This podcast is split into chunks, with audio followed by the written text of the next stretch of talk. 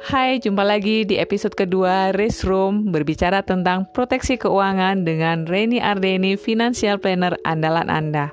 Kali ini kita akan berbicara tentang proteksi penghasilan. Wow, emang ada ya proteksi penghasilan? Apa sih proteksi penghasilan itu?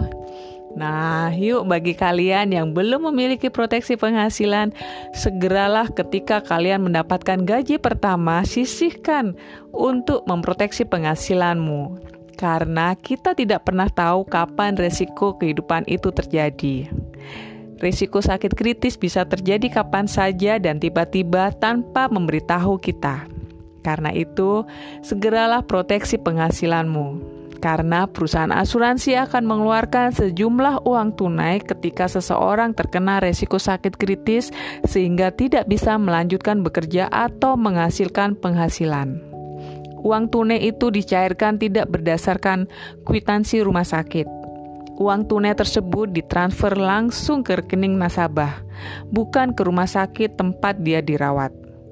Uang tersebut untuk melanjutkan kehidupan untuk membayar cicilan atau hutang berjalan.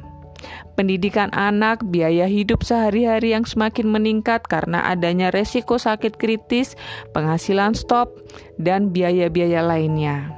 Dengan demikian, kehidupan tetap berjalan meskipun penghasilan harus berhenti.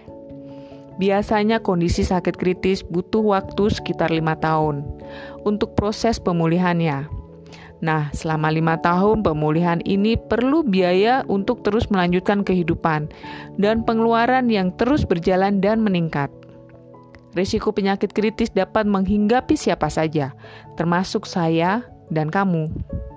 Namun, dengan memiliki perencanaan keuangan yang matang, kamu bisa mencegah kebangkrutan akibat risiko tidak bisa bekerja lagi, sehingga tidak berpenghasilan, tapi pengeluaran bulanan tetap berjalan dan harus dibayar sehingga pada saat risiko sakit kritis terjadi di luar kemauan dan kontrol kita, akan keluar sejumlah uang cash yang mana uang ini bisa sebagai pengganti penghasilan kita dan digunakan untuk biaya hidup selama sakit kritis tidak bisa berpenghasilan.